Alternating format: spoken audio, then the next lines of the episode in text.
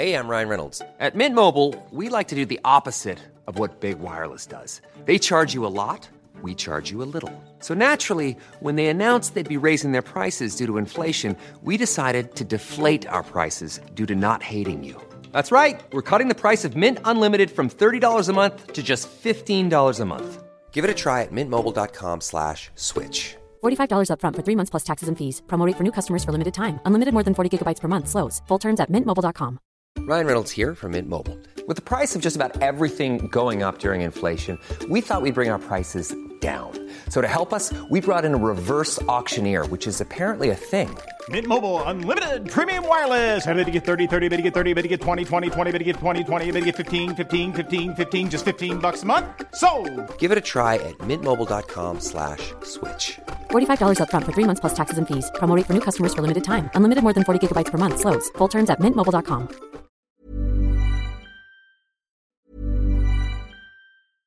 Hey, I'm Ryan Reynolds. At Mint Mobile, we like to do the opposite of what Big Wireless does. They charge you a lot, we charge you a little. So naturally, when they announced they'd be raising their prices due to inflation, we decided to deflate our prices due to not hating you. That's right. We're cutting the price of Mint Unlimited from $30 a month to just $15 a month. Give it a try at mintmobile.com slash switch. $45 upfront for three months plus taxes and fees. Promo for new customers for limited time. Unlimited more than 40 gigabytes per month. Slows. Full terms at mintmobile.com. Ryan Reynolds here from Mint Mobile. With the price of just about everything going up during inflation, we thought we'd bring our prices down. So to help us, we brought in a reverse auctioneer, which is apparently a thing.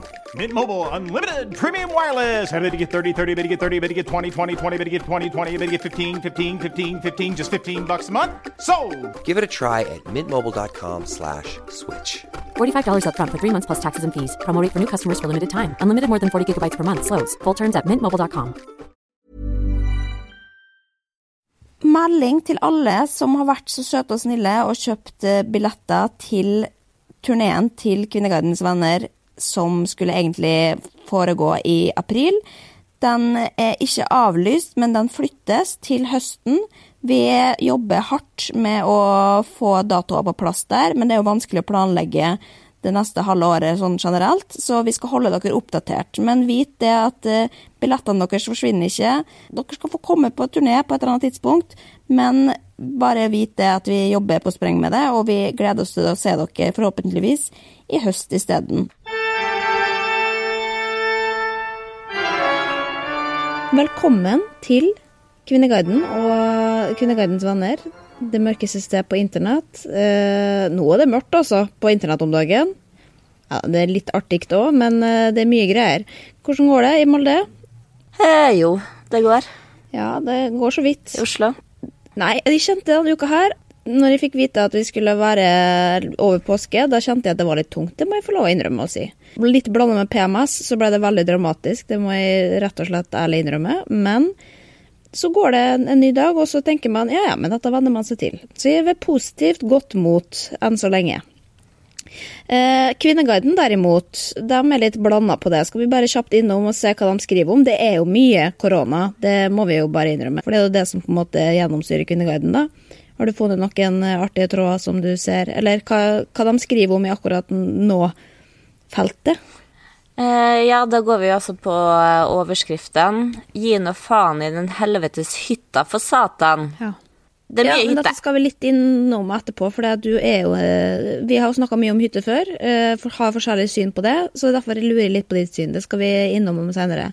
Eh, Jeg finner en her som ja, ilder som kjæledyr under korona, for det er en da som holder på å skaffe seg ilder, men som nå er usikker på om det blir et problem, ettersom ildere veldig lett kan få influensa. Det er en spennende problemstilling. Jeg er ikke redd for viruset. Ja, det bør du være, være. men ok. Men deilig da, ikke være redd. eh, Synd for oss andre. Eh, litt humor i disse koronatider. Det er faktisk en ganske morsom tråd. Vi har fått mange sider med bare egentlig morsomme memes. Så hvis du har lyst til å få på et lite smil i disse tøffe dager, så er det bare rett inn på Kvinneguiden og oppsøke litt humor i disse koronatider. Har ikke regjeringen litt for lite å gjøre når de må undersøke om søringkarantene er ulovlig? Altså, jeg, Ja, nei, jeg tror ikke regjeringa har for lite å gjøre i disse dager, men det er jo klart at det er mange som krever eh, oppmerksomheten deres. Men eh, kan jeg spørre deg hva du har googla siden sist, da? Altså, er det mer eller mindre googling om dagen enn generelt? Er det mer eller mindre Nei, no, altså i starten, som jeg, som jeg sa forrige uke, så var det mindre. Det var fordi at eh, det var nettaviser hvert tiende Ja. minutt. Jeg hadde ikke tid til å google da jeg først satt på mobil eller data. Men hva har du googla, da? Det første er bake uten bakepapir. Altså, det bakes og det bakes og det bakes. Så det ble jo tomt for bakepapir, og jeg handler kun én gang i uka nå. Eh, sto der med kanelsnurrene mine og lurte, og da havna jeg jo selvfølgelig på Kvinneguiden med det spørsmålet der. Og de sa at eh, før i tida så brukte man jo ikke bakepapir. Eh, bakepapiret har kommet fordi at man skal slippe å vaske så mye. Ja. Eh, og det de gjorde da, var å smøre steikebrettet med smør. Ja, nettopp. Men jeg føler jo at det er groskittent, den der eh, stekebrettet, eller plata. Ja, altså, det måtte Ja, skrubbes. Jo, men det er jo nyttig å vite, da, hvis det er helt krise. Det går an. Men du, apropos brød, for du eh, fikk litt dårlig samvittighet i går da jeg sendte den Ja, for jeg bakte brød i går. La ut, eh, altså Jeg driver ikke og legger ut eh, så mye mat på Instastory, altså, men nå eh, følte jeg at eh, nå har jeg bakt mitt første brød, som jeg var egentlig ganske fornøyd med. Men du kommer med kraftig kritikk. Hva er det, hva er det du mener? Jeg sa dette vil jeg ha med frabedt, sa jeg, fordi du, du sa at ikke det er elta nok. Man får bare elta deigen i en Altså, halvtime i maskin. Hæ? Nei, for greia var at du, det du svarte først, var ja, men jeg vil ha det sånn jeg putta mer gjær og sukker for å få Ja. det høyt. Men det var ikke det jeg reagerte på. Det jeg reagerte på, var at det var sånn sprukke i kantene. Ja, men sprekker gjør da ikke noe. Smaken er like godt likevel. Jo, og det har jeg lært på Kvinneguiden, for det er noen som har lagt ut bilde før, at det vil si at du har ikke elta det godt nok. Eller rulla du det etterpå? Nei. Ja, for du må jo forme det etterpå, for hvis det kommer litt sånn sprekker, da sprekker det Ja, men det gjør ikke noe, det. Det er jo samme med pølser òg. Hvis du trekker den for mye eller, for, eller koker for mye, så sprekker den. Men den smaker nå fortsatt godt. Ja, men det er lettere at brødskiva Ja, det er sant, for det gjorde det faktisk når jeg skulle skjære. Men jævlig godt brød, da. Det skal jeg bare ha. Men hva annet har du googla? Eh, Syllingen. Og det jeg gikk inn i søkeren og så hva jeg hadde googla, og der måtte jeg tenke meg litt om for å finne ut hva, hvorfor har jeg googla Syllingen. Eh, og det er en, et sted i Lier. Grunnen er at eh, Martin Jøndal, mannen til Sigrid Bonde Tusvik, hadde en lang Insta-story med at han og sønnen dro på roadtrip i hans heimlande barndom, Lier, for å se hvor han vokste opp. Og det var visst i Syllingen. Da lurte jeg på hvor, hvor i Lier ligger Syllingen. Alle vet jo at de er ekstremt opptatt av kart og geografi. Og da fant jeg ut at Lier er jævlig langt. Jeg trodde Lier bare var Liertoppen eh, kjøpesenter og ned mot havet, men det går helt opp i Tyringfjorden. Og der ligger Syllingen. Og da, da skjønte jeg hvorfor at jeg er sammen med Vebjørn, for da sa jeg at visste du at Lier går helt opp i Tyrifjorden? Og han bare hæ, gjør det det? Og jeg viste på kartet. Oi, ja, nei, det. Så da koste vi oss med å ha lært en ny ting om da, du norsk kan være glad for geografi. at ikke du er sammen med for du hadde ikke fått noe respons hvis du hadde fortalt dette med. Så derfor er jeg et dårlig publikum når du snakker om geografi. Jeg tenkte faktisk på det, det er derfor jeg ikke sang med Linnea. Hva er det siste? Eh, det siste er gjennomsnittsalder i Italia. Jeg lurer sånn på hvorfor det dauer så mange flere der enn i Kina. Eh, og det må jo kanskje ha noe med at de er eldre der. Jo, de er eldre, befolkninga er eldre, og de kysser hverandre på Kina hele tida. Ja, eh, det jeg fant ut var at eh, gjennomsnittsalder var vanskelig å finne på internett, men forventet levealder rundt 82,54, og Kina er 76,25. Jo, men det henger vel ikke sammen. Forventa levealder. Jo, altså, da den er høyere enn Kina, så vet man at den blir eldre her. Ja, ikke sant. Ok. Jo, men greit. Apropos geografi, da, eller andre land med korona. Jeg har googla Russland-korona. Fordi det var jeg litt nysgjerrig på i begynnelsen av uka. Jeg hadde ikke hørt så mye derfra. Første jeg får opp, er EU-rapport. Russland sprer falsk informasjon om korona for å skape panikk i Vesten. det var veldig sjokkerende, selvfølgelig. Eh, og det er jo det de har drevet med i alle år uansett, eh, så det er jo ikke noe nytt. Men det som jeg da, når jeg har lest meg litt opp eh, gjennom uka, og ikke minst eh, i takt med at det har vært en utvikling i Russland, så har jeg fått med meg da at eh, Fordi at Russland var jo De grenser jo til Kina, sant? Men de stengte grensene der allerede i slutten av januar. Så de på en måte var bare få Kina vekk fra oss. Men det er veldig få registrerte smitta der nå, da. Og de er jo liksom ja, hva da, 150 millioner sånn innbyggere der. Og de har ikke 1000 smitta engang, omtrent. Men det er jo selvfølgelig fordi at ja, kunstig lave tall, liksom. De blir jo ikke testa like mye. Og eh, det også skrives det om at eh, man blir diagnostisert med lungebetennelse istedenfor korona, bare for å gjøre det eh, mindre problem for dem, holder på å si. Så Russland sliter jo i denne situasjonen med, som de alltid gjør, med å på en måte ta inn over seg virkeligheten.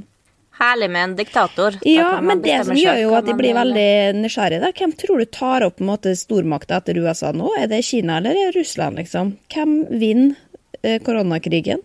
Fordi at eh, USA går jo til helvete. Det er det jo alt som tyder på. Hørte om han mannen borti Husker ikke hva stat det var, Arizona, tror jeg. Som døde fordi at han hadde drukket akvarierens. Ja. Kona òg ligger dødssjuk, liksom, men hun har forklart hva som skjedde. Trump har jo sagt at man må ta malariamedisin, som kan jo stemme. Men det de, de var i utgangspunktet friske, men de så at i eh, malariamedisin så er det noe av det samme stoffet som var i akvarierenset. Så derfor tok de og drakk det, for å håpe på å slippe å få korona. Eh, Men eh, de ble jo akutt syke, da. Ja, døde, det tror ikke vi kan anbefale, men det er jo det også jeg så, Apropos morsomme memes på Kvinneguiden. Jeg så en eller annen en, Eller hvor det var et bilde fra et amerikansk supermarked hvor liksom all øl var utsolgt i hylla. Det var bare helt totalt tomt, og det eneste som sto igjen, var korona. Og så var det noen som sa dette er så dumme amerikanere er, liksom. Forstår dere det nå? Og det, det syns Eller det jeg kan ikke snakke på vegne av alle, selvfølgelig, men, men det, man ser jo det også. Og USA er jo så stort at det, liksom, det er jo mange land i ett. Så nå er det jo på en måte, selv om Trump sier noe, så blir det jo gjort Altså LA, for eksempel, er jo stengt, eller er stay at home ut april, mens Trump er ute og sier ja, ja, nei, det, det, dette, går, dette går bra. Nå er vi tilbake til hverdagen igjen så fort som mulig. Så det er jo på en måte Til påske, har vel han sagt. ja. Men uansett. Men det også så er intervju med han, eh, som sagt, hukommelsen. Men jeg tror det var smittevernssjefen i USA som bruker å stå bak Trump eh, da han holder tale om dagen. Og han sier, Trump sier jo noe helt annet enn han. Eh, Og han ble spurt sånn, ja, men hvorfor Han kom jo med feil informasjon. Og han har sagt sånn, ja, men hva skal jeg gjøre da? Skal jeg springe fram og rive liksom? Det må jeg bare Nei, men var det, det, var det den videoen hvor han der gamlingen sto og lo i bakgrunnen mens, mens Trump sto og snakka? Har har du sett? sett, Å, det herregud, en gammel mann som bare står og tar seg i ansiktet for det, og bare sånn facepalm, liksom. For det er så dumt, det Trump står og sier. Herregud, jeg så det på repeat. Den kan vi legge ut på Kvinnegardens venner. Ok, eh, men uansett, skravla går. Eh, strippestang, pris, har jeg googla. Lurte på om jeg skulle få kjøpt meg strippestang. Skrudd den opp i dueren og noe sånt. Da kan de kanskje ordne en eh, god deal til deg. Det tar vi Ja, etterpå. det er jeg veldig interessert i det. Altså, Jeg kan jo komme ut av denne koronakrisa som profesjonell stripper hvis jeg bare, hvis jeg bare vil. Men jeg tror det er litt upraktisk, da. For dette, altså, det liksom hvordan skal en sitte fast og sånn. Og så er det selvfølgelig da surdeigsbrødoppskrift, som sikkert hele verden har googla den siste uka. Men eh, jeg har kommet fram til det, og det kommer ikke til å begynne, å, å begynne med. Nei. Nei, det er hesten. Ja, det, og det, er, det blir for basic for min del, altså. Ja. Men det er jo godt, da. Men eh, jeg tror ikke jeg orker å liksom mate deg og bla, bla. Ja, nei, det blir, blir for meget. Vi har jo snakka mye om uh, hytte tidligere. Du er hyttetilhenger. Du har hytte både Hva faen er det du har den, da? På Hadeland? Nei, ikke Hadeland. Nei, hva heter det da, der du har? Uh, Hurum? Hurum? Ja, men det er et annet ord for det òg. Klokkarstua? Skal vi gå Nei, helt vi inn i Å ja, men vi kaller det, vi kaller det Fjordland. Ja, vi kaller hytta Fjordland. Ja. Um, men jo, eh, og du har på Nei, jeg husker ikke andre navn heller. Verma. Verma. Ja. Så du er jo et hyttemenneske, da. Det er ikke jeg. Aldri forstått meg på hytte. Men, ja, Så det er litt hytta i din familie. Men det er derfor jeg også da lurer på hvor står du på en måte i hyttesaken. For nå har jeg funnet en tråd her. Det er mange hyttetråder, selvfølgelig, eh, på Kvinneguiden. Og det er både ja, folk som, eh, som ikke forstår seg på dem som på dødelig skal på hytta, mens andre da, som eksempel den her, som skriver 'Hvorfor? Jeg må på hytta i påsken'. Hvorfor driver regjeringen med hytte, øh, hytteforbud da det ikke er helsefarlig hold i dette? Neste gang stemmer jeg i hvert fall ikke på Høyre. Nå blir påsketradisjonen vår helt ødelagt. Ja. Så det er jo så mange sånne som syns det er trist å ikke få reise på, på hytta i påska som planlagt. Um, og det forstår jo ikke i um, Eller jeg kan ikke sette meg inn i den situasjonen. Derfor syns jeg jo at det bare er trist å se at man bruker så mye energi på å finne hull i på en måte reglene, sånn at man kan dra på hytta likevel og sove i campingvogn og reise på endagstur og sånn. Men du som da har hytte, og du skulle sikkert egentlig på hytta i påska, skulle du ikke det? Til Oslo og sånn, eller utafor? Eh, nei, drakk, ikke på badehytta i påska. Da drar vi på fjellet. Ja, Men du skulle egentlig på hytta, da sant? Delt, altså, eh, påske er på en måte Jeg tror kanskje er min favoritthøytid. Oi. Elsker påske, elsker å være på hytta. Jeg har, jeg har aldri opplevd noe annet enn å være på hytta i påska i hele mitt liv. Jo, en gang. Da, de to år siden så bodde vi jo eh, en periode i Portugal. Da var jeg ikke på hytta. Nei, men hvordan føles det da å skulle måtte ha bypåske?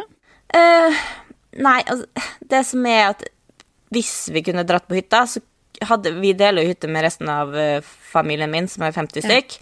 Eh, og da måtte vi Vi kunne jo ikke reist med dem uansett, så da måtte vi reise alene. Og da er det sånn Da er litt poenget borte. For kosen er jo å være storfamilien samla.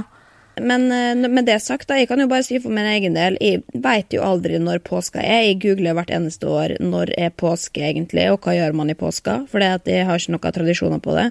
Men, eh, det, Og det som egentlig var fordelen i år, jeg trodde jo egentlig at påska var mye seinere.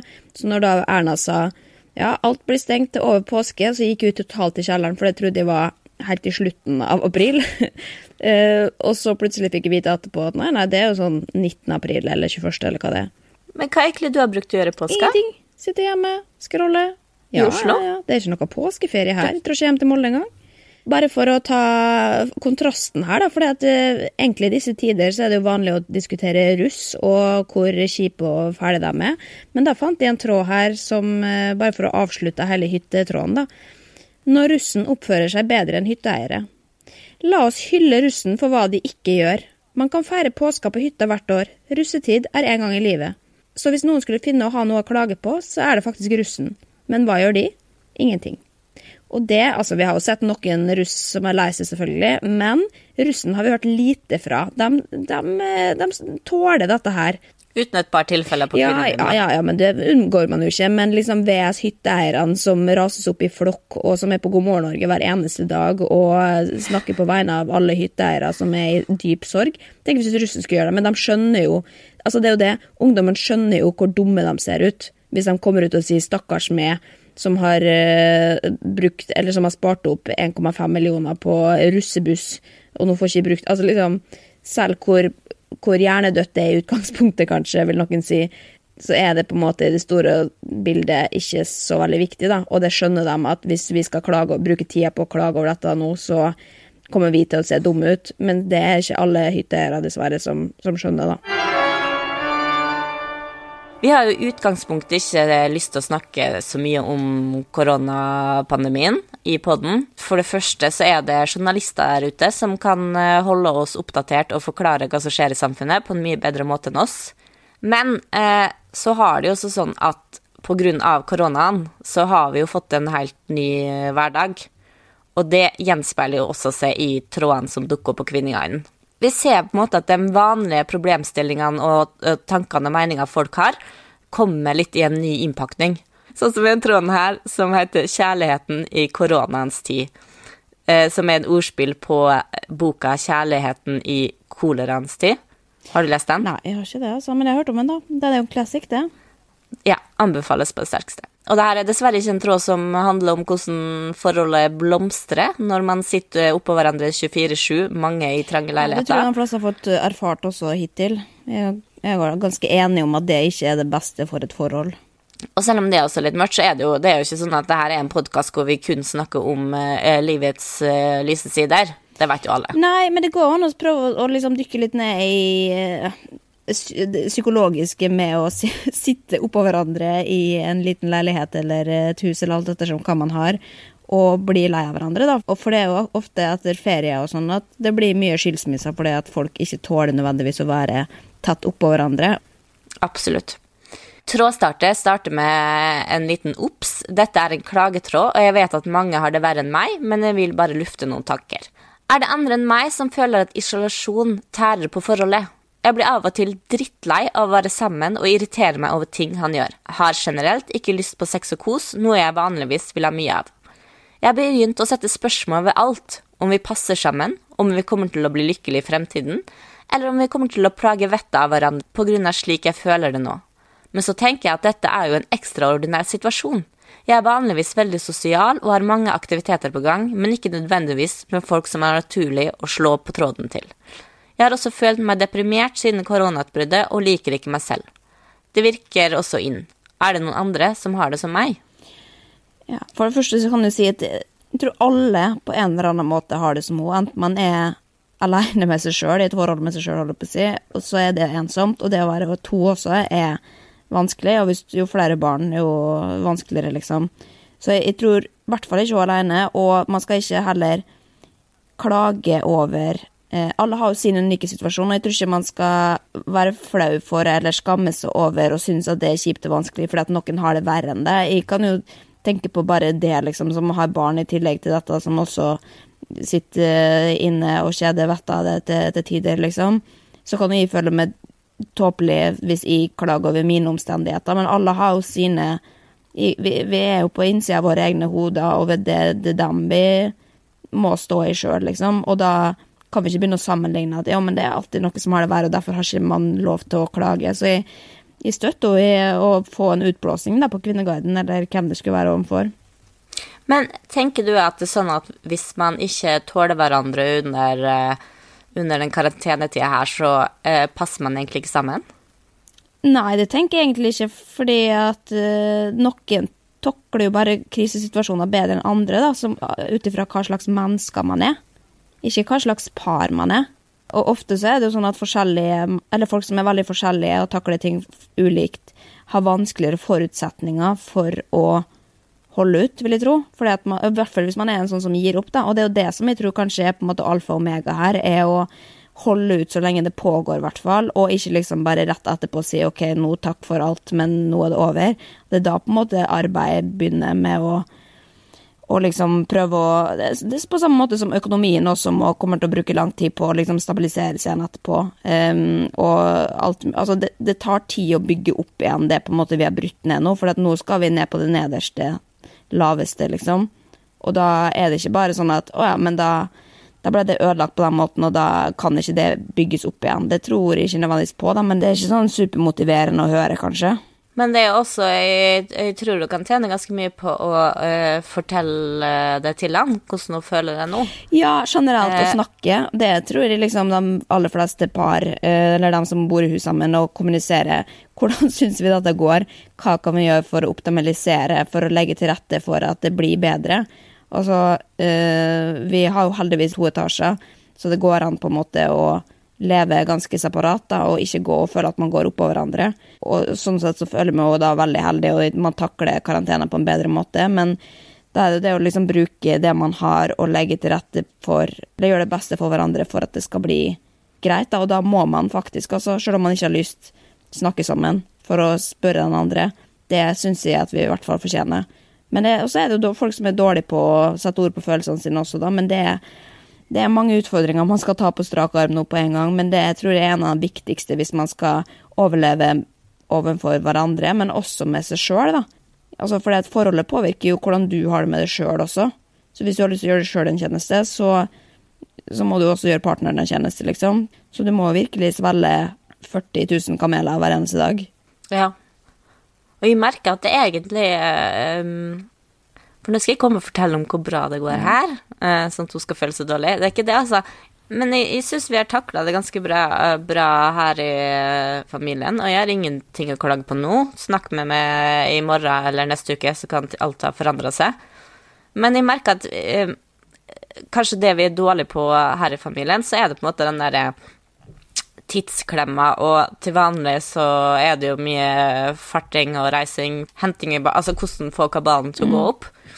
Så egentlig nå merker jeg at nå skal vi jo bare være her, vi skal ingenting. Sånn at pulsen har senka seg helt. At det er liksom sånn egentlig mye mindre eh, diskusjon og krangling eh, den perioden her enn eh, som da eh, i en hverdag der alt er superstress. Ja, for det, det, du eliminerer jo ganske mange eller mye tid med, som handler om da, på en måte å forflytte seg fra A til B. sånn dit og da, og Du Vi bruker jo lang tid på å bare være utenomhus hver eneste dag, og den, man har mer tid da plutselig. Man har, og det, den tida er alfa og omega, men det handler også om å disponere det riktig, og det for dem som ikke er vant til å disponere tida si sjøl, du bare gjør det samme år inn og år ut, så er jo det en ekstra utfordring at ja, plutselig må man lære seg hvordan man er hjemme hver dag og har hjemmekontor. Og for meg som har hjemmekontor, så er jo ikke det en veldig stor overgang, så jeg kan det jo på en måte allerede. Men forhåpentligvis, hvis vi skal sitte veldig mye lenger inne og gjøre dette her, så kommer vi jo til å bli bedre på det. Men da må også kommunikasjonen gå sømløst, og må legge en plan, kanskje sammen i slutten av hver uke, liksom. Hvordan skal denne uka bli? Hvordan legger vi det til rette for at vi skal leve best mulig med hverandre, da? Og bare anerkjenne at dette er en dritvanskelig situasjon for, for verden generelt, men også for samlivet. Og da må vi snakke sammen for at det skal funke, og vi må tåle litt ekstra fra, hverandre. Vi kan ikke kjefte for de tinga vi kjefta for før. Vi må ha litt mer slack. Og det som jeg kom på nå, er at eh, fordi at vi eh, i, i barselstida eh, bodde noen måneder i Portugal, bitte liten landsby, eneste som man kunne gjøre, var å surfe. Vi snakka jo med naboene over hekken der òg, akkurat sånn på samme måte som nå, men det var jo ikke sånn at vi hadde supermange venner som bodde der. Men det tror jeg på en måte at vi hadde Da hadde vi en slags generalprøve til det som har skjedd nå, for da måtte vi lære oss å være vi tre sammen konstant. Det kan jo folk se på som en liten motivasjon, da. For vi har hatt den perioden, lært oss det. Eh, jeg tror flere etter hvert Kanskje det er litt sånn knirk i starten, men til slutt så er jo også det her hverdagen, og man må, som du sa, bare tåle hverandre enda mer, så tror jeg så tror jeg her kan forhåpentligvis gå for de ja, fleste. Og så er det sikkert ikke alt som, som, funker sånn som man vil funke, og da er, da er jo det også realiteten, men vi må liksom tenke kanskje um, omsorg og, og, trygghet først, og ikke liksom sex og kropp og alle de tingene som vi vanligvis bruker veldig mye tid på. Da. Det må liksom komme litt i andre rekke nå, og da er det viktigst å legge til rette for at man har en god hverdag, da. Det tenker jeg liksom liksom første prioritet nå. Men um, våre hjerter går ut til alle som sliter i sine parforhold akkurat nå. Vi føler med dere, og ikke minst, hvis man har behov for å klage litt og kjefte og smelle, så kan man gå på Kvinneguiden og skrive en tråd og få det ut. Skrive en dagbok eh, hvis ikke du er interessert i å få det ut på internett. Bare få det i hvert fall ned på papiret, og snakk sammen. Og en ting som jeg, har, eh, jeg syns er viktigere enn noen gang nå, at jeg prøver å starte hver dag med blanke ark. Ok, så ble det litt mye iPad og skjerm eh, i går, men eh, det, eh, altså sånn der, det skal ikke, jeg skal ikke la det henge over med neste dag. Da prøver jeg heller på nytt. Være en bedre mor, mer aktivitet. Går ikke det, så prøver vi neste ja, dag. Men blir det ikke da litt sånn at uh, Ok, men da har vi glemt at det var mye iPad i går, så da kan vi ta iPad i dag òg? Nei, jeg prøver bare hver morgen å tenke at det nå skal være ja, okay. den beste utgaven av meg sjøl. Så det er ikke sånn fordi jeg røyka i går, så må jeg også få lov å røyke i dag? Uh, nei. nei hver dag starter jeg opp med ja. blanke ark. Altså, å herregud, nå føler jeg meg som sånn motivasjonstaler. Vi, vi, kan ikke være dem vi er til vanlig nå. Nå må vi prøve å tenke positivt, selv om ikke vi er laga på den måten. Jeg kjenner at det, det, tar hardt nå å prøve å bli den positive fyren som jeg har uh, forsøkt å bli de siste årene, men det Altså, alt, når alt kommer til alt, så vises jo at de har rett, da. Uh, med at alt går til helvete uansett. Men det skal vi ta en annen gang. Det, sorry, men bare én kommentar til til å skrive. Fordi at hun sier at hun er egentlig ganske sosial og har mange aktiviteter. Men nødvendigvis ikke folk som det er liksom naturlig å slå på tråden til. Så hun er altså sosial, men hun føler at hun ikke kan ha på en måte den nære at hun kan ringe. Men det tenker jeg at det må vi legge til side i denne perioden her. Ring en venn selv om det ikke er naturlig å egentlig plukke opp tråden og sitte på telefonen og prate, hvis du føler for det. Ja, det gjør det. Og da får det bare heller bli litt rart den første gangen, og så kanskje blir det bedre den fjerde gangen. Så er det det dere trenger. Og så kanskje er dere ikke like nære etter krisa, på en måte, men da er det fint å ha hverandre. Og det må jo være lov til å gå en tur i skogen med to meters ja, avstand? Det, det anbefaler vi. Det silte med Bent, Bent Høie. Hvis Bent Høie sier det, da tar jeg det for god fisk. Ikke alt man skal ta han i for god fisk, men dette, det tror jeg på. Jeg fant en tråd som vekka min, eller vår, interesse, da. eh, Av den enkle grunnen at den handla om smågodt. Eh, fordi smågodt har jo vært en snakkis eh, siste uka, eller de siste ukene, egentlig. Fordi at mange av butikkene har jo stengt sine smågodthyller, rett og slett fordi at ja, hygiene og så videre. Det er ikke det rensligste type mat man kan kjøpe sånn, sånn, ja, stort sett ellers i år også. Og det har vært en del eh, forvirring rundt nettopp dette, om det hvorvidt det liksom er innafor å kjøpe smågodt. Jeg fikk eh, senest melding fra vår felles venn eh, Tarjei Strøm. Vi har en pågående tråd om ja, alt som er godt her i verden, og særlig da smågodt. Vi har en felles kjærlighet for det. Og han spurte meg om jeg kjøper smågodt i disse tider. For han ville egentlig bare ha en bekreftelse på at han også kunne gå og kjøpe smågodt. Um, og det gjorde jo Jeg sa jo ja, da, bare gjør det. Selv om jeg har sittet i karantene og ikke fått med noe smågodt. Og jeg har ikke lyst til å sende noen andre på butikken for å kjøpe smågodt, for det, det er høy risikosport. Men um, det er veldig mange tråder på Kvinneguiden som spør om nettopp dette her. Kjøper dere løsvekt i smågodt? Og hun skriver videre Jeg kjøper ikke løsvekt i disse tider, og antar at min butikk låser skapene på mandag, da dette er oppe til vurdering nå. Og da er det jo nedover her også, så sier, så sier folk at nei, nå Jeg som sier at hun takker pent nei når kjæresten spør om smågodt, fordi at det er kvalmt og så videre, og særlig i disse tider. Um, men eh, bare kjapt innpå, du, har du spist noe smågodt de siste ukene? Eh, nei, jeg holder meg unna. Jeg så at min lokale Kiwi har eh, smågodten fortsatt åpen. Men eh, så snakka jeg med vår andre felles venn, eh, Bunnpris Per, eh, og han sier at de har ikke lov til å selge smågodt nå. De har stengt. For det jeg tenkte å prøve meg på, var å spørre om det er mulig å kjøpe hele Boksen? bokser. Ikke Jo, sant? Eh, Forsegla. men det kan du kjøpe fra Men- Sverige, da. Ja, for de får ikke gjort det på Jeg får ikke gjort det på bunnpris, for han sier at de har ikke lov til å selge noe. De har ikke lov til å slå inn smågodt. Nei. Så jeg kan ikke kjøpe en hel boks heller, fordi at Men den eh, er bare kjapt spørsmål, da. Hvilken stengt. eh, type ville du kjøpt, da? Hvis du skulle hatt en, eh, en boks? Nei, altså det er litt det òg, for jeg satt og tenkte på at poenget med smågodt er jo at du skal ha Ja, få forskjellig. av Da mange forsvinner biter. hele opplegget. Men skal man da Konsept, ha 1,5 kilo melkepletter eller spragleknasen, liksom? Det blir jo litt voldsomt, det òg, da. Men eh, OK. Men husker du for noen episoder siden at jeg sa at de der, hva heter de, knottene som har kommet i egen eh, pose, at det var så unødvendig, fordi at eh, det var jo en mellomgodteri i smågodtet. Nå tror jeg de kommer til å få avkastning Ja, på den posen. Ja, det kom kom i altså. grevens tid, altså. Eller det, kom helt, det var en perfekt lansering, eh, tidspunkt. Den dagen denne podkasten her kommer ut, så er jo min eh, karantene over. Og da skal jeg rett i butikken. Skal ikke gå 1000 småturer på butikken, altså skal ta en liksom storhandel, men da skal jeg faen meg pynte meg. Eh, og så skal jeg gå der og skal jeg kjøpe knatter, og så skal jeg kjøpe alt som jeg har lyst på, som jeg ikke har turt å be andre om å kjøpe for meg de siste ukene. Men Jeg kom Ja. på en ting! Og nå gleder jeg meg til påske. I påskeegget Jeg skal kjøpe opp For jeg føler at det her kan man på en måte ikke gjøre en, en, en hverdag. Men til påskeegget skal kjøpe opp alt av de forskjellige For det er jo mye smågodtposen som du kan ja. kjøpe for skjegla. Jeg skal kjøpe alle de forskjellige som fins, legge dem i påskeegget og føle at jeg spiser en pose smågodt. Ja, åh, ja. Men, men jeg håper i hvert fall ikke at det blir sånn priskrig nå på smågodtet, sånn som eh, det har vært. Men uansett, bare for å oppklare dette her, da, fordi at det, i og med at det har vært forvirring Det er noen som sier at de kjøper det og ikke bryr seg. Men jeg spurte vår Kvinnegardens Kvinneguidens eh, huslege, da, Kaveh Rashidi, som eh, for øvrig også nå har lansert podkast på NRK eh, med Peder Kjøs og, Cecilie Kåss, som heter God bedring. Um, Den jeg meg ja, til å høre. den eh, kan vi anbefale. Men jeg ba han om hjelp, og han svarer altså som følgende. Du kan kjøpe smågodt, men med forsiktighet og vaske hender. Korona går ikke gjennom magesekken, men skitne hender som tar på nese, øyne, ansikt, slimhender, er problemet. Personlig vil jeg kjøpe godteri i poser, da, kanskje fordi jeg er engstelig, men man vet aldri hvem som har lagt sine virus på godteriet, og jeg orker ikke angsten av å føle at det er urent. Ellers så gjør butikkene mye for å holde smågodterihylla ren. Og det tror jeg jo på, men det er jo litt interessant da, som du sier, at Bunnpris Per har sagt at de ikke får lov å selge smågodt.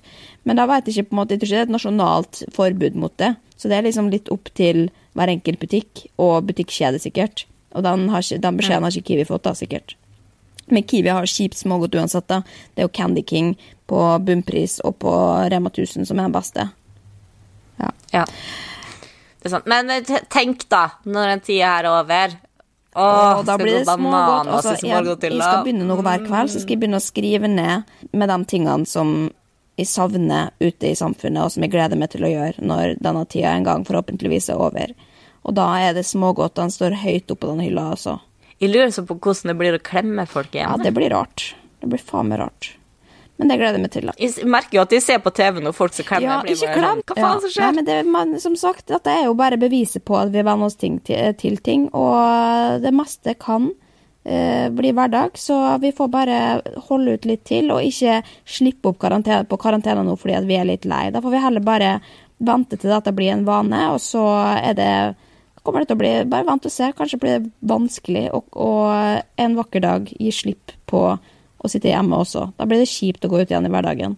Vi får ta en dag av gangen, og så går det bra. Vi skal nok komme oss gjennom natta. Med eller uten smågodt.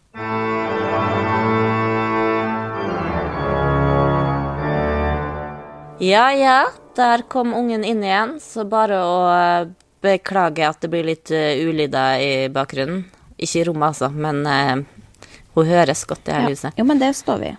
Det er ikke det jeg vil snakke om nå. Det jeg har lyst til å snakke om, er den nye serien på NRK som heter Rådebank.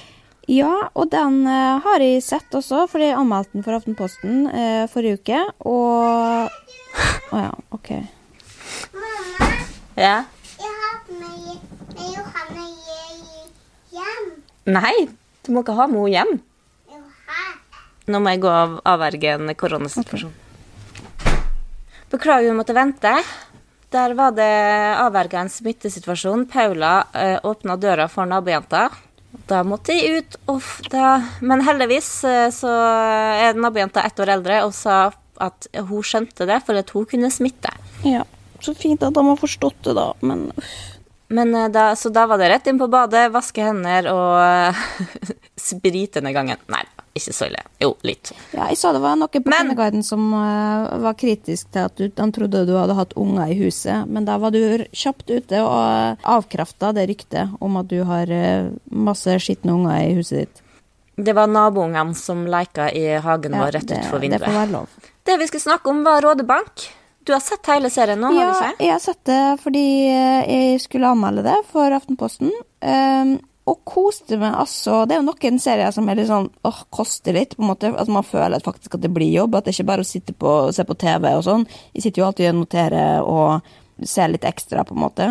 Men jeg koste meg med den. Det kosta meg ingenting å se den, liksom. Og jeg syns, jeg syns den var For dem som ikke har sett den, da, det er jo NRK-serie. Minner litt om Skam. Du sa Skam fra bygda. Det syns jeg var et veldig accurate beskrivelse.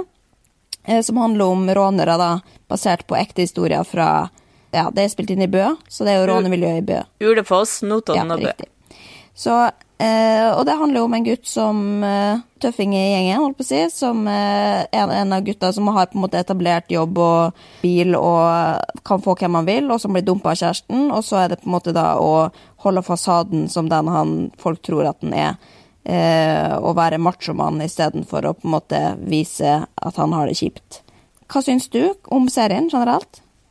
Altså, det var ikke en terningkast seks, men eh, jeg koste meg eh, Ja. veldig, altså. Og det er jo litt fordi eh, kjæresten min er jo fra Bø, og alt ble spilt inn der, så det fikk oss en ekstra ah, ikke bare, ikke bare det at det var litt nostalgisk, for vi kommer jo fra distriktet sjøl, og, og eh, vi, vi gikk jo ikke på videregående på uh, Nissen i Oslo og var kule, liksom. Uh, Men det var også det at sånn der, jeg kjente igjen alle plassene og fikk liksom Fikk skikkelig lengsel til Bø igjen, altså. Ja, men hvordan var ditt forhold til sånn generelt rånere og sånn? Jeg har vokst opp størsteparten av, eller mesteparten av min barndom var på bygda, hvor det var på en måte Vi hadde ett hengested, og der var rånere, liksom. Så jeg har vært forelska i x antall rånere opp igjennom. Så for, mine, for min del så blussa det opp med sånne følelser til, til disse, disse type karakterer, da, som er jo bare helt vanlige folk med bilinteresse, liksom. Um, så jeg syns det var fint å kunne liksom, få et gjensyn med det. Men du som på en måte bodde i byen da, hvilket forhold hadde du til rånere? Var det noe som kom fra bygda, eller var det også liksom byrånere?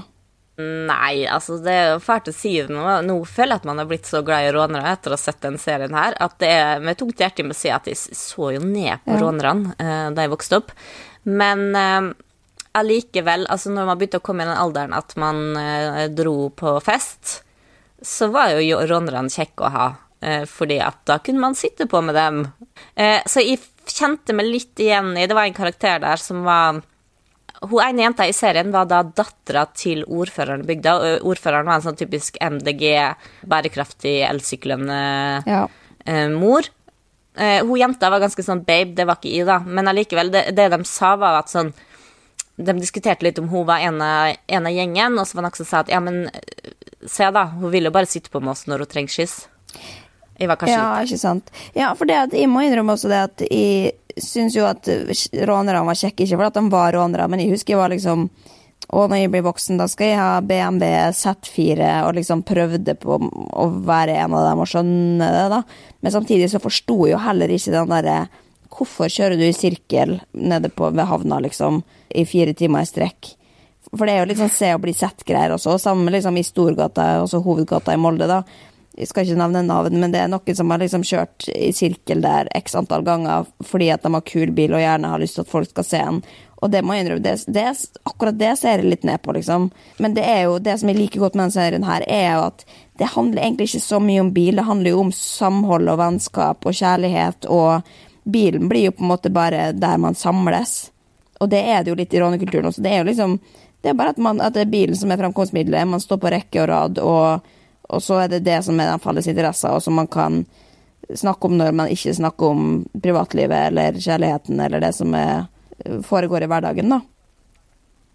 Og det er det jeg syns er litt sånn fint, for da man ser eh, rånere da, på TV-en, så er det i eh, en føler sånn serier som norske Rednecks, og Ja. de drar sikkert på charterferie og liksom sånn ha-ha, se på dem hvor teite de er. Så, så jeg likte veldig godt at liksom her har du rånerne, men du får liksom Du blir jo glad i karakterene, og altså på samme måte som Skam, da. Det er liksom det, er vanlige mennesker, det òg. Det er ikke bare sånn Ja, jeg syns det er veldig fint å få på en måte det gutteperspektivet. At eh, man får se to sider av et menneske, ikke bare liksom den utad på en måte Ja, ja, dette går bra, dette får vi til.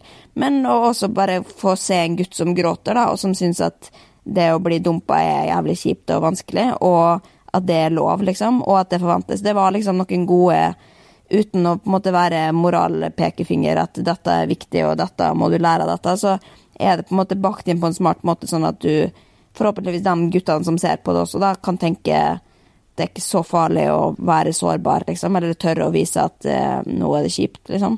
Ja, For å være litt generaliserende, så er på en måte gutter, ikke bare rånere, men gutter på, på bygda eller fra, fra distriktet, er jo fortsatt kanskje litt mer sånn eh, macho, ikke snakke så mye om følelser, Ja. som eh, kanskje mange liksom metroseksuelle gutter i, i byen er, da. Herregud. Jo, det men, kjempe- men de er jo ikke nødvendigvis det heller. Selv om de er jo mer åpne for å snakke om følelser, kanskje, så er det jo fortsatt en lang vei å gå. Gut- Gutter har jo generelt mindre språk for følelsene sine enn det jenter har. Og derfor så syns jeg det var så fint også med en, som du sa, da, en serie der du har de eh, guttene som man ikke sånn typisk ser på som dem som snakker om følelsene sine, men at det er, liksom en serie der man viser at ok, det her er smart, det kan gå bra.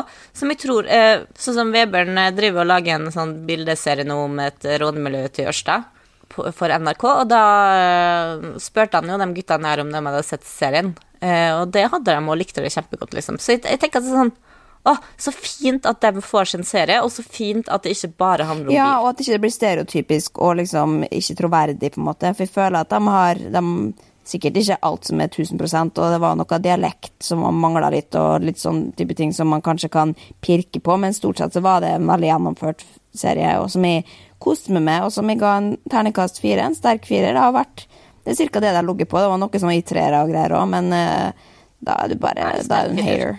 Men ok, men da, men da har vi i hvert fall eh, Det blir vårt kulturelle innslag eh, denne uka. Vi er så lei av kjendiser. Det er så mye kjendiseri nå på internett og alt mulig. Jeg vet ikke om jeg orker å snakke om det på rampelys. Det er jo liksom det samme Samme gamle. Vi prøvde å scrolle litt i rampelystråden, da, og da er det jo Ja, det er det samme gamle. Men det jeg tenker på, hvis jeg hadde vært mer litt som influenserblogger nå, så hadde jeg faen meg skodd meg litt på den krisa her. Hvordan da? Nei, altså, liksom så mye tid som f.eks. bloggere har da, fra før av, og som nå må virkelig sitte inne, og så mye tid som alle andre folk nå har, og bruker mye tid, mer tid på internett, så må du jo bruke det til din fordel. Og da må du på en måte, selv om du kanskje har hverdagen din er å skrive annonsesamarbeid med LOs eller uh, blogginnlegg om uh, goodiebogs, liksom, så, så er det jo nå du kan på en måte prøve å snu konseptet litt og gjøre noe som er liksom mer online og i øyeblikket. Og for det er jo ingen som sitter og shopper for harde livet nå, sånn som vi gjorde før. Vi har ikke økonomi til det, for det første. Men at man greier å Altså Hvis jeg hadde vært liksom fotballfrue nå, så hadde jeg kjørt på med bare livetrening hver dag og gjort noe smart ut av det. Bygd med en following, liksom, som gjør at folk kan komme til hver dag og si å, i dag skal vi trene med fotballfrue, for det er det vi forbinder med, assosierer med. Vi trenger tilbud uh, istedenfor at vi liksom bare får det samme gamle tralten som vi, alt, vi har fått før. Så jeg, jeg skjønner ikke for, hvorfor folk ikke allerede har fått ut fingeren og prøvd å bygge, bygge noe, da. Det er jo noen som gjør det sånn Humornø, for eksempel. Hver dag klokka åtte på live Instagram, så har de show. Og det er jo ikke sånn at det nødvendigvis er det som vokser raskest, men det bygger jo på en måte en following i lengden, da, som man må tenke på etter dette også, for vi skal jo leve også etter dette, og da er det jo nå du kan ha mulighet til å bygge following. Det har jeg tenkt litt på, da. Ja. Ja, og jeg så det har vært en tråd på Kvinneguiden der de klager over at bloggerne ikke blogger mer nå, eh, fordi at nå må de jo ha tid. Men eh, det er jo litt Jeg kan jo på en måte skjønne det, for at de skal jo blogge om hverdagen sin, og det er jo mye blogging om gå til frisøren og fikse neglene, altså sånn utseendemessig og, og shopping, da, og det kan de jo ikke gjøre. Nei, Og da tar det kanskje litt tid å omstille seg til å skrive om noe annet. Ja, men det er jo en ting, men da må man jo velge ut det man er god på, da. Det er jo ikke, jeg skjønner jo det at det er vanskelig å lage innhold nå i, i huset, det kan jeg tenke meg også hvis vi skal lage YouTube-videoer framover, som jeg syns er litt gøy å holde på med, så er det jo gøyere hvis du har verden for dine føtter, ikke bare sitte inne og finne opp kruttet, liksom. Og særlig hvis du har blogga ti år i strekk allerede, så har du på en måte brukt alt som finnes innenhus allerede. Men hvis du er da litt sånn treningsprofil, sånn som eksempel fotballfrue prøver å være med den nettfit-greia, så må jo bare bygge via Caroline Berg Eriksen. Altså nå, Jeg kan sende faktura senere, for dette er mitt bidrag til eh, hvordan bygge merkevaren CB, eller økonomien der opp igjen, på et eller annet tidspunkt. Kommer sikkert Kvinneguiden til å klikke på meg. Men hvis jeg var hun, så hadde jeg bare kjørt på med fast treningsopplegg samme tidspunkt hver eneste dag. Fått folk inn på hennes, ikke gjør det via Nett- Nettfit, liksom, som har 14 følgere. Du må liksom gå inn der du har mest følgere, og så sakte, men sikkert lure dem inn på det som på en måte er konseptet ditt, som er satsinga di. da. Du kan ikke bare lage et nytt konsept og satse på at folk dukker opp der når de ikke vet at det finnes. Og, men jeg vet jo vel liksom at Funkygine og sånn har gjort det, men det er det må, nå må man være så smart som man påstår at man er fra før av, liksom, som businesskvinne eller mann, da. Og, og lure Ja. folk inn riktige vei. Det er lenge siden jeg har vært inne på bloggen hennes, men nå måtte jeg inn og kikke igjen. Og nå ser jeg at du har skrevet 'bli med og trene på direkten'. Ja, men det er på Netfit, og det har jo ingen følgere. Men vet, det er jo mange som, som gjør det, så det er jo ikke at, at vi trenger det tilbudet. Men hvis man skal i hvert fall tenke litt framover og målrette og, og greie å overleve denne krisa vi går ned i nå, så, så må vi jo tenke litt nytt. Da kan vi ikke på en måte bare bruke og gå gjennom samme traltene som vi har gjort tidligere. For det, det har verken folk økonomi til eller ork til å sitte og lese mer av noe. Nå trenger vi nye ting. Ny inspirasjon. Men kan jeg bare komme med en oppfordring til Ja. slutt? Det her blir ikke til fordel for bloggerne, da, men det, det har jeg heller ikke til vane, vane for å komme med. Men eh, i de tidene her, vær så snill, ikke gå inn og med rabattkodene til Sofie Elise på nelly.com nå. For nå er det så mange butikker her ute som sliter. Før, hvis du trenger noe, og jeg mener sånn herre jeg oppfordrer aldri til eh, overforbruk og for mye handling, men det er jo ting du trenger, da. Og er det noe du trenger, gå inn og sjekk om den butikken du egentlig bruker, eh, har hjemmelevering eller starta nettbutikk, og støtt dem, liksom. Det er dem som trenger det. det dem, husk på, liksom, når ting er tilbake til normalen, så vil du at den lokale klesbutikken din eller bokhandelen skal fortsette å være her. Ja, det er det. Det er jo mange ting man har lyst til å redde nå. Vi ser jo daglig at det er både restauranter og barer som ber om hjelp, og man har lyst til å hjelpe alle fordi at man har lyst til at de skal overleve på den andre sida.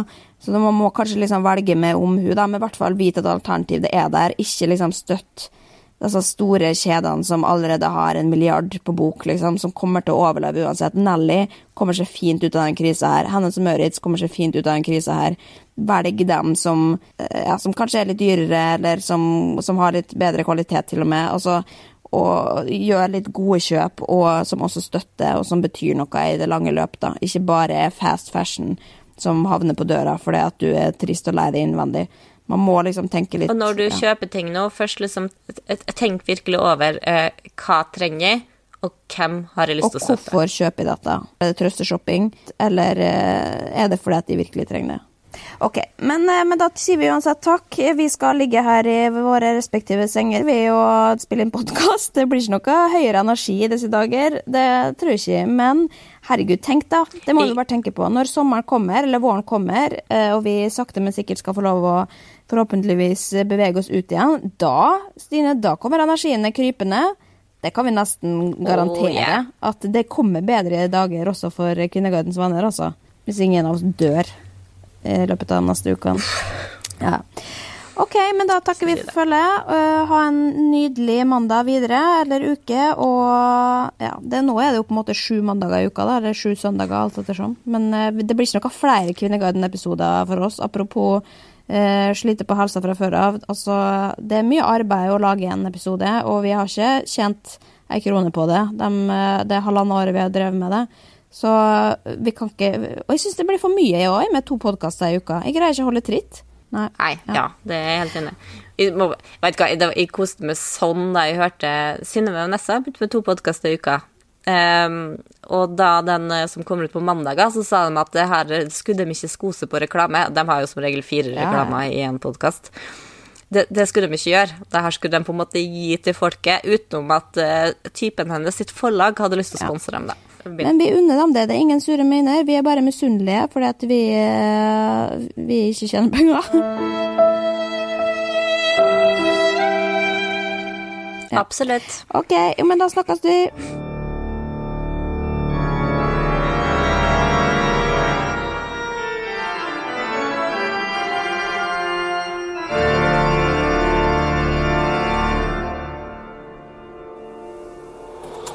Produsert av Rubicon.